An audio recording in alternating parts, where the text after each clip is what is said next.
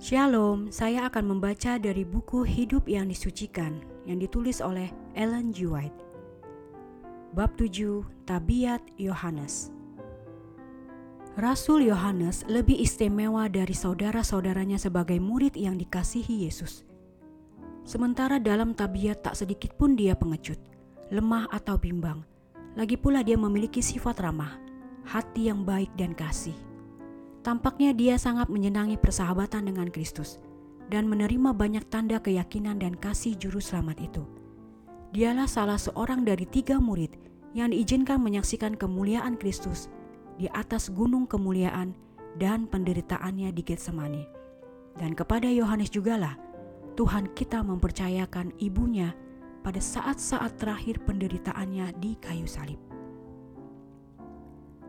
Kasih sayang juru selamat kepada muridnya ini telah membuahkan dedikasi yang teguh dan sungguh-sungguh. Yohanes berpaut kepada Kristus seperti carang anggur bergantung pada pokoknya yang kukuh. Demi Tuhannya, ia berani ke ruang pengadilan dan tak beranjak dari salib itu. Dan setelah tersiar kabar bahwa Kristus telah bangkit, ia bergegas ke kubur dengan semangat yang tak terbendung, bahkan mendahului Petrus yang menggebu-gebu itu. Kasih Yohanes kepada gurunya bukan sekedar persahabatan manusia, tetapi merupakan kasih dari seorang yang bertobat, yang merasa bahwa ia telah ditebus oleh darah Kristus. Ia menganggap bahwa bekerja dan menderita karena melayani Tuhannya merupakan kehormatan yang tertinggi. Kasihnya kepada Yesus menuntun dia untuk mengasihi semua orang yang untuknya Kristus telah mati. Ia menandaskan bahwa kasih kepada Allah akan dinyatakan dalam kasih kepada anak-anaknya. Berulang kali terdengar ia mengatakan, Saudara-saudara yang kekasih, jika Allah sedemikian mengasihi kita, maka haruslah kita saling mengasihi. 1 Yohanes 4 ayat 11 Kita mengasihi karena Allah lebih dulu mengasihi kita. Jika seorang berkata, Aku mengasihi Allah, dan dia membenci saudaranya, maka ia adalah pendusta. Karena barang siapa tidak mengasihi saudaranya yang dilihatnya, tidak mungkin mengasihi Allah yang tidak dilihatnya. Ayat 19 sampai 20. Kehidupan sang rasul sungguh selaras dengan ajarannya. Kasih yang membara dalam hatinya untuk Kristus menuntun dia untuk bekerja dengan sungguh-sungguh, tak kenal lelah bagi sesamanya, khusus bagi saudara-saudaranya di dalam gereja Kristen. Ia seorang pengkhotbah yang berkuasa, bersemangat, dan sangat bersungguh-sungguh, dan perkataannya mengandung keyakinan penuh. Kasih yang penuh iman dan penyerahan yang tidak mementingkan diri, yang terpantul dalam kehidupan dan tabiat Yohanes, memberikan pelajaran yang tak ternilai bagi gereja Kristen. Sebagian orang menganggap kasih ini dari dirinya sendiri terlepas karunia ilahi. Padahal secara alamiah, Yohanes memiliki tabiat yang sangat buruk ia angkuh dan berambisi, dan cepat tersinggung dan menyakiti. Semangat dan dalamnya kasih sayang Yohanes terhadap tuannya bukanlah penyebab kasih Kristus kepadanya, melainkan karena pengaruh kasih itu. Yohanes rindu menjadi seperti Yesus, dan karena pengaruh kasih Kristus yang mengubahkan, ia menjadi lemah lembut dan rendah hati. Diri tersembunyi di dalam Yesus. Ia begitu menyatu kepada pokok anggur yang hidup itu, sehingga turut mengambil bagian dari sifat ilahi. Seperti itulah yang selalu dihasilkan persekutuan dengan Kristus. Inilah penyucian sejati. Mungkin ada saja cacat dalam tabiat seseorang, namun bila ia benar-benar menjadi murid Yesus, kuasa kasih karunia ilahi akan menjadikan dia ciptaan baru. Kasih Kristus mengubah dan menyucikan dia. Tetapi bila orang-orang mengaku diri Kristen, Padahal agama mereka tidak menjadikannya pria dan wanita yang lebih baik dalam segala urusan kehidupan wakil-wakil Kristus yang hidup dalam sikap dan tabiat. Mereka sama sekali bukan miliknya.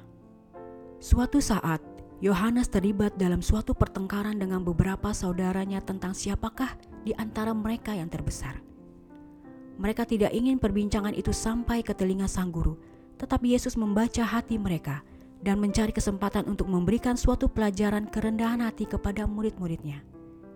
Ini dituliskan bukan hanya untuk kelompok kecil yang mendengarkan perkataannya, tetapi juga untuk keuntungan para pengikutnya pada akhir zaman. Lalu Yesus duduk dan memanggil kedua belas murid itu. Katanya kepada mereka, "Jika seseorang ingin menjadi yang terdahulu, hendaklah ia menjadi yang terakhir dari semuanya dan pelayan dari semuanya." Markus 9 ayat 35. Orang-orang yang memiliki roh Kristus tidak akan berambisi untuk menduduki suatu kedudukan melebihi saudara-saudaranya. Justru orang yang merasa kecil pada pemandangannya sendirilah yang akan diperhitungkan besar pada pemandangan Allah. Maka Yesus memanggil seorang anak kecil dan menempatkannya di tengah-tengah mereka. Kemudian ia memeluk anak-anak itu dan berkata kepada mereka, Barang siapa menyambut seorang anak seperti ini dalam namaku, ia menyambut aku. Dan barang siapa menyambut aku, bukan aku yang disambutnya, tetapi dia yang mengutus aku. Ayat 36 sampai 37. Betapa suatu pelajaran berharga bagi semua pengikut Kristus.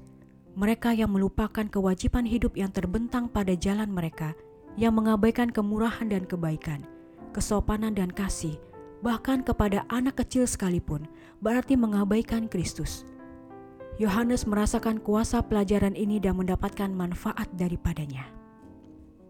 Pada peristiwa lain, Yakobus saudaranya dan ia sendiri telah melihat seorang mengusir setan dengan nama Yesus.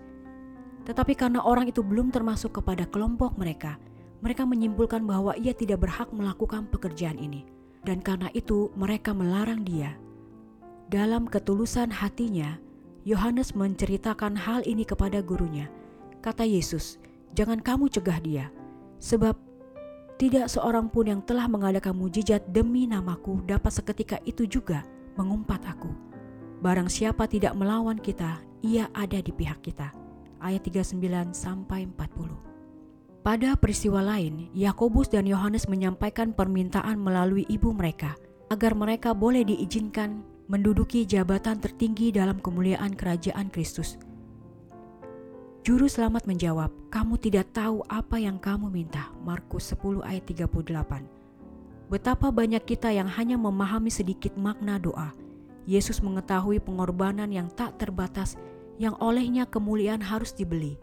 Ketika dia membawa iman kita itu kepada kesempurnaan, yang dengan mengabaikan kehinaan tekun memikul salib. Ibrani 12 ayat 2.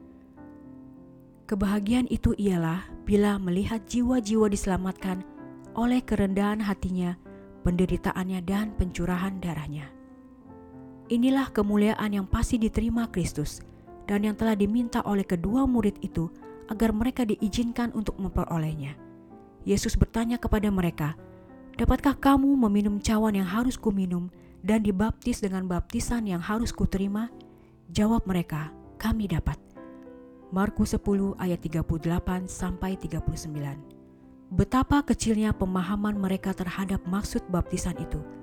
Yesus berkata kepada mereka, "Memang kamu akan meminum cawan yang harus kuminum dan akan dibaptis dengan baptisan yang harus kuterima.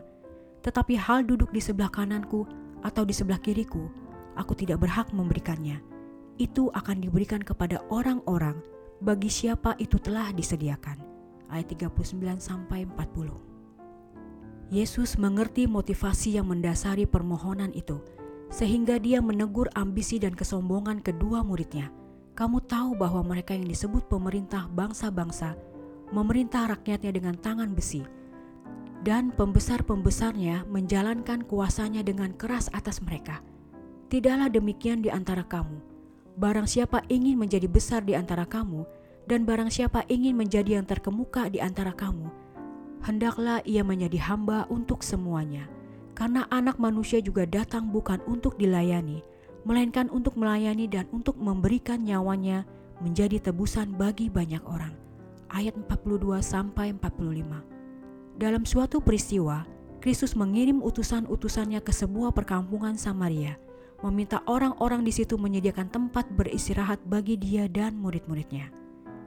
Tetapi ketika juru selamat tiba di kota, tampaknya ia hendak lewat terus menuju Yerusalem.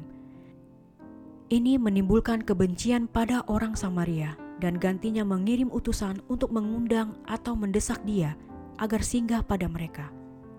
Mereka menahan penghormatan yang seharusnya mereka berikan kepada orang yang dalam perjalanan jauh.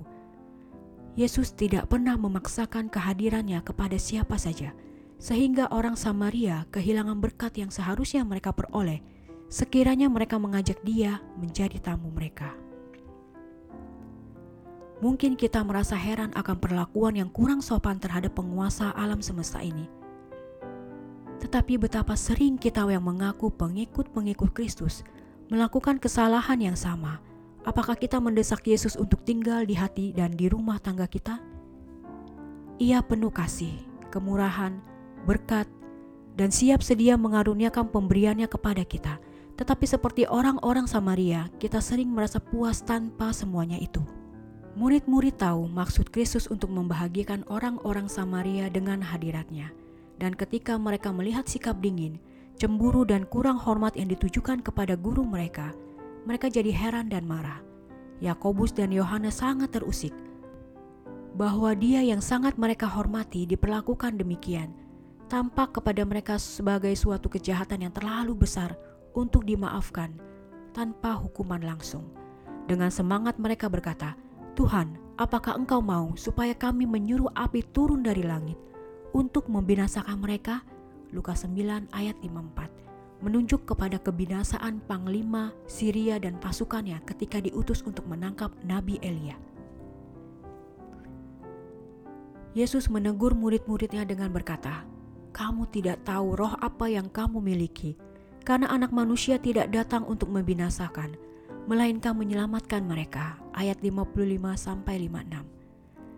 Yohanes dan murid-murid yang lain berada dalam sekolah di mana Kristus adalah gurunya. Mereka yang sedia melihat kekurangan-kekurangan mereka dan ingin memperbaiki tabiat mereka memiliki banyak kesempatan. Yohanes menyimpan setiap pelajaran ini dan senantiasa berusaha menyesuaikan hidupnya dengan pola ilahi. Pelajaran-pelajaran Yesus menetapkan kelemah lembutan, kerendahan hati, dan kasih sebagai unsur penting dalam pertumbuhan dalam kasih karunia dan kelayakan kerja merupakan nilai yang tertinggi bagi Yohanes. Pelajaran-pelajaran ini ditujukan kepada kita secara pribadi dan sebagai saudara bersaudara dalam jemaat, sama seperti kepada murid-murid Kristus yang pertama. Suatu pelajaran penting dapat dipetik dari perbedaan yang nyata di antara tabiat Yohanes dan Yudas. Yohanes adalah suatu contoh yang hidup dari hal penyucian, di lain pihak, Yudas kelihatan memiliki suatu bentuk kesalehan, sementara tabiatnya lebih bersifat setan ketimbang bersifat ilahi. Dalam perkataan dia mengaku murid Kristus, tetapi dalam perbuatan dia menyangkalnya. Yudas mempunyai kesempatan berharga yang sama dengan Yohanes untuk mempelajari dan meniru pola itu. Ia mendengar pelajaran Kristus, dan tabiatnya mungkin telah diubah kasih karunia ilahi. Tetapi sementara Yohanes dengan sungguh-sungguh memerangi kesalahan-kesalahannya dan berusaha menyatu dengan Kristus. Yudas menentang hati nuraninya, menyerah kepada pencobaan, dan mengikatkan dirinya kepada kebiasaan-kebiasaan tidak jujur yang akan mengubahnya menyerupai citra setan. Kedua murid ini melambangkan dunia Kristen. Semua mengaku pengikut Kristus, tetapi sementara suatu golongan berjalan dengan kerendahan hati dan kesabaran – belajar dari Yesus. Golongan yang satu lagi menunjukkan bahwa mereka bukanlah pelaku firman, tetapi hanya pendengar. Satu golongan disucikan oleh kebenaran, segolongan lagi tidak mengetahui apa-apa tentang kuasa yang mengubah dari kasih karunia ilahi. Golongan yang pertama setiap hari mati terhadap diri dan mengalahkan dosa. Golongan kedua memanjakan nafsu mereka sendiri dan menjadi hamba-hamba setan. Demikianlah bacaan buku hidup yang disucikan. Tabiat Yohanes bab 7. Tuhan memberkati.